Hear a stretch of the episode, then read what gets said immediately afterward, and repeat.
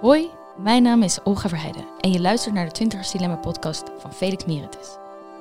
Mijn ervaringen met online dating en die van mijn vrienden hebben tot veel vragen geleid die ik in deze podcast aan de hand van gesprekken met die vrienden en professionals probeer te ontrafelen. Hard to get, racisme, ghosting en wie betaalt de rekening nu eigenlijk zijn een aantal onderwerpen die in deze podcastserie voorbij gaan komen. De laatste aflevering van dit vierluik gaat over hard to get spelen. Ben je interessanter voor de ander als je afstandelijk bent en vooral niet te enthousiast doet? Of is dit spelletje alleen maar verwarrend en bovendien gevaarlijk wanneer de grens tussen flirten en seksueel onwenselijk gedrag niet goed te zien is? Je hoort naast vrienden ook de stem van schrijver en journalist Daan Borrel. Het moet wel een beetje strijd zijn. Easy is inderdaad onaantrekkelijk. Ja. Ik moet nu toch wel vier, vijf keer zeggen van nee, dat wil ik niet. En dat de man dan gewoon doorgaat. Dat je dan opeens in een situatie zit Ja. Waarin je te ver bent gegaan voor jezelf. dacht dat ik het aan het pushen was. En toen zei ze dus letterlijk: Nee, ik was hard to get aan het spelen. Ik wil ze nou echt niet, door dat hele MeToo gebeuren, ben ik echt wel meer op mijn hoede. Het idee heerst nog steeds dat vrouwen vooral niet te gewillig moeten zijn als het op seks aankomt, omdat mannen ze anders niet serieus nemen. En dat mannen op hun beurt met volhardend geflirt de vrouw dienen te veroveren. Maar werken deze regels nog wel voor ons in het tijdperk na hashtag MeToo? Want zorgen ze niet voor te veel misverstanden? Ik vraag het eerst aan een groepje vrienden bij me thuis. Ik heb wel eens gehad met een meisje dat, dat, Ja. dat, dat, dat, Wow. eh, ik haar wel eens probeerde te versieren. En ik merkte dat ik te ver ging. Want ik dacht dus, dit is het spelletje. Maar trouwens, te ver ging echt non-fysieke eh, actie. Ik wil niet zeggen dat het mentaal niet heel vervelend kan zijn. Maar ik dacht, oh, dit is een spelletje. Ik was wat jonger. En eh, ik dacht, ah als vent moet ik eh, de, de eerste stap zetten. Als, eh, ik, ik moet je binnenhalen. Dat- Maar goed, dat, en toen dacht ik wel, oh nee, dat vind ik is eigenlijk niet oké. want geen consent, ze, ze wil het helemaal niet, het is duidelijk te merken. Come on, ze geeft de grenzen aan. En toen dacht ik, dat heb ik het laten gaan. Jaren later, tijdens carnaval, kwam ik haar weer tegen. Ik grown up, zij grown up. En toen hebben we het over gehad. Dus ik zei, ze, ja, waarom? Ze zei, je hebt nooit al wat gehoord tussen ons. Ik zei, ja, ik, ik dacht dat ik het aan het pushen was. En toen zei ze dus letterlijk, nee, ik was hard to get aan het spelen. Wow, en dus toen was dacht heel ik, beledigd. en toen ja. dacht ik, shit, nu weet ik het ook niet meer. Ik weet dus, ik weet de laatste tijd als man heel vaak niet als een vrouw eh, geen signalen geeft dat ik denk, wil ze nou echt niet, door dat hele MeToo gebeuren, ben ik echt wel meer op mijn hoede. Dus, dus, dus daar waar ik vroeger vaak dacht, eh, ze wil niet, maar ze is hard to get aan het spelen, denk ik nu vaak, oeh, maar misschien wil ze echt niet. Ja. Dus de, is het, mannen zijn wel een beetje in de war nu op dit moment. Ja, lastig. Het is natuurlijk elke keer weer gissen op die manier. Maar ligt het niet ook een beetje aan het feit dat de man de vrouw graag wil veroveren? Want als je open kaart speelt als vrouw, ben je dan niet te easy? mannen willen ook vrouwen die ehm, niet zo graag willen of zeg maar niet easy zijn. Of, eh, ja, dat klopt. Easy is inderdaad onaantrekkelijk. Ja. ja, Weird hè? Waar ligt dat aan? Waar ligt dat aan? Misschien dat het doet denken aan wanhoop. Of nou, dan, in, dan zal any guy wel goed zijn. En dan ben ik misschien ook goed. Maar dan ben ik, val ik in een soort categorie. Ben ik niet meer speciaal. Ik weet niet wat daarachter zit. maar dan wordt het toch ook een fine line. Want ik bedoel, dan heb je dus van Alles, ja, alles is een heel uh, thin line, ja. ja, Van dus iemand kan nee zeggen, maar niet echt nee bedoelen. ja, dat doen vrouwen heel veel. Ja, Ja, maar dat vind je juist leuk, toch? ja ik vind dat wel leuk, ja. Er moet wel een beetje strijd zijn. Je moet ook, je moet ook ja, als je, die game, als je in de game zit, moet er ook wel, er moet ook een beetje iets gebeuren natuurlijk. Niet zo van, nee, ik vind het leuk dat je, de vrouw zegt, oké, is goed, ga mee naar, met, met je mee naar huis. Wat wil je doen met me? Oké. Ja, het is leuk om een keer mee te maken, maar dat is natuurlijk niet waar je op lange termijn uh, naar op zoek bent. Toch leidt dit spelletje vaak ook tot problemen. Dat zijn echt totaal super problematische eh, uitwerkingen van, ja. van fucking rape culture. Dat gewoon eh, eh, dat, dat, het, dat het beter is om iemand te veroveren die eigenlijk niet wil. Dat is toch heel raar? is waarom is dat, waarom is dat eh, winnen? Winnen is toch gewoon als iemand wil, punt. Ja. Dan heb je toch gewonnen. Ja, tenzij dus dan een paar jaar later van die persoon te horen krijgt van... Nee, nee, ah, dat snap ik. Maar dus wel ik wil niet zeggen dat. Ik, hè, maar, maar, maar zij zit ook in die cultuur die wij hebben. Dus Ja, zij Ja. dacht dat ze dat moest doen om jou te veroveren. Ja, Haar ma- manier om jou te veroveren was doen gewoon- alsof ze dat niet wilde. Ja. Terwijl het natuurlijk veel gezonder zou zijn als zij gewoon op dat moment gezegd had, ik vind je fucking leuk. Goeie inderdaad, best wel heel erg raar. Ja, maar het rare is dat dat het gevolg heeft dat, dat als vrouwen echt niet willen, dat mannen dus denken dat ze misschien wel eigenlijk willen. Ja. Ja. En dat is dus fucking gevaarlijk ook. Gewoon echt gevaarlijk. Dat is echt gevaarlijk, want dat wordt dat ook wel door dating, dus mee, eh, dus, eh. dating eh, coaches voor Ja. mannen wordt dat echt ook wel een beetje meegegeven. En het is Totaal misschien ook, maar goed, om nu weer even toch de advocaat van Duits, het is misschien ook wel een beetje waar, zeg maar, snap je? Dat vrouwen toch het op een bepaalde manier leuk vinden als die man Ja, maar waardoor pakt. vinden ze dat leuk? Waar komt dat door? Dat Komt dat zo- doordat ze zo geboren ja. zijn? Omdat ze dat leuk te vinden? Of doordat hun, hun hele leven verteld wordt dat dat is wat ze Ik leuk geloof, niet, ik vinden? geloof niet dat je als een klein meisje of als een klein jongetje wordt geboren wordt en denkt als jongetje, ik ga veroveren. Of als klein meisje, of, dan denk ik, ik ga veroverd worden. Dat denk ik niet. Nee, oké, maar ik heb ook best De wel vaak... enthousiasmethode is al vaak heel erg onaantrekkelijk, toch? Nou, dat is dus Dat- stom. ja. Nee, snap ik, maar dat is een beetje wat we proberen te, te- Mm. proberen te analyseren. Ja. Ja, dat is dus best wel interessant. Dat het raar is als iemand zegt, oh ik wil heel graag, dan ik zo van, oh, mm, why. Nou, laat maar Ja. Ik had het best wel leuk gevonden als je gewoon even iets meer... alsof je niet wilde. Stom. Nee, Maar maar, dat is ook weer gecultiveerd. heel- Ja. Dit is wel echt waar. Mannen zeggen heel vaak van, oh, ik, had, ik, ik wil eigenlijk dat Veel je... te eager. Je bent veel te eager of je wilt graag... Maar het is toch fucking heftig? Ja, hoe ga je daarmee heb- om dan? Ik heb Nou, het liever klopt dat je- niet. Het klopt inderdaad Ik heb niet. liever dat je niet, ik, ik heb liever dat je het niet wil, zeg maar. Dat- En ze willen dus veroveren. En ook een beetje, zeg maar, ja, nog steeds, eh, weet ik veel, het prinsesje veroveren in Nintendo. Weet je, het gaat, het, het, het, Ja. het, het- Ja, ja, Ja. ja, ja, ja. het, eh, Amerikaanse film gaat er helemaal over meisjes veroveren. Dat je bijna iets als van je zelfbeeld afhangt van externe Ja, factoren. precies. Dat je denkt, als ik jou dan, eh, ik, ik, ik had er niet vertrouwen in dat ik jou zou scoren, maar ik score jou, dus ergo, Ik ben cool. ik ben wel aantrekkelijk. Dat. Ja, precies. Omdat ze moeilijk eh, te krijgen Ja. is.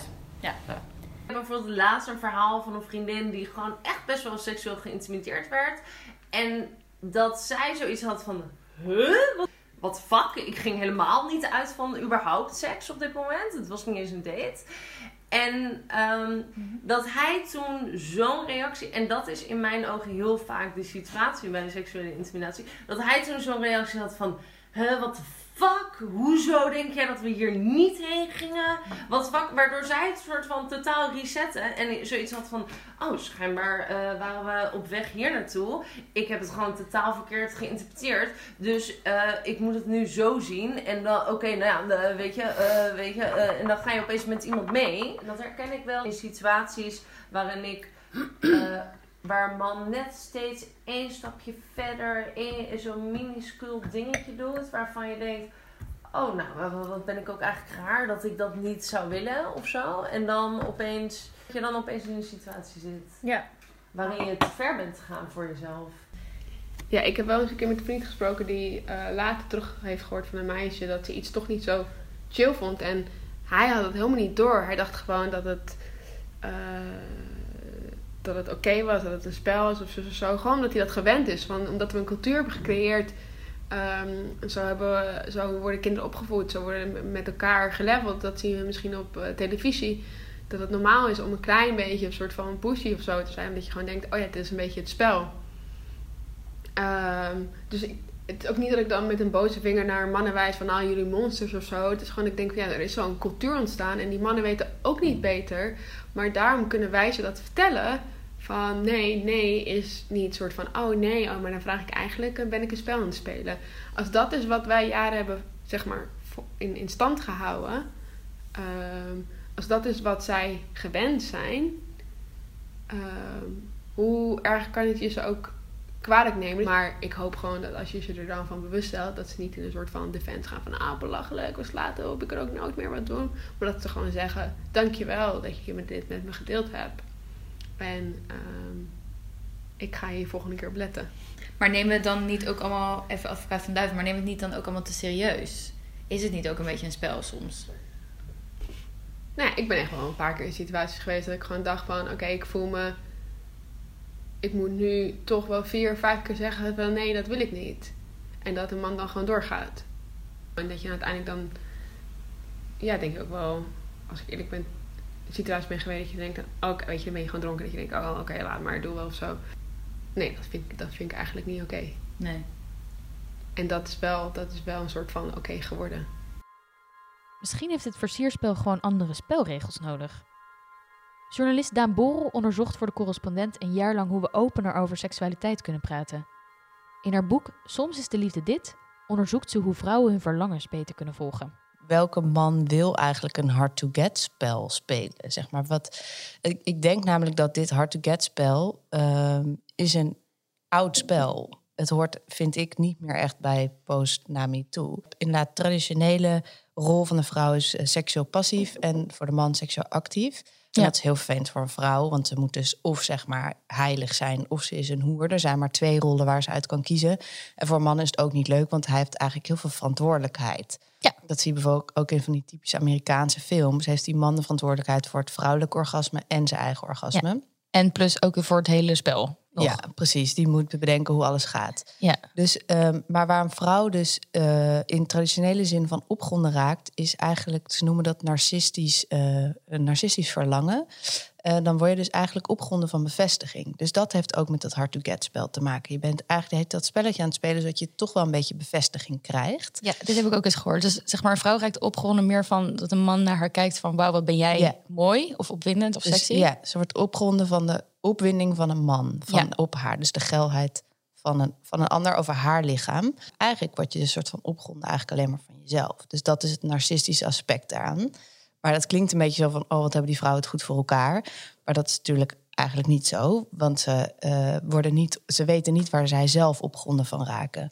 En je kan dit best wel makkelijk mee gaan spelen door echt heel bewust in seks eh, naar de ander te gaan kijken. En te denken, wow, wat vind ik mooi aan zijn of haar lichaam?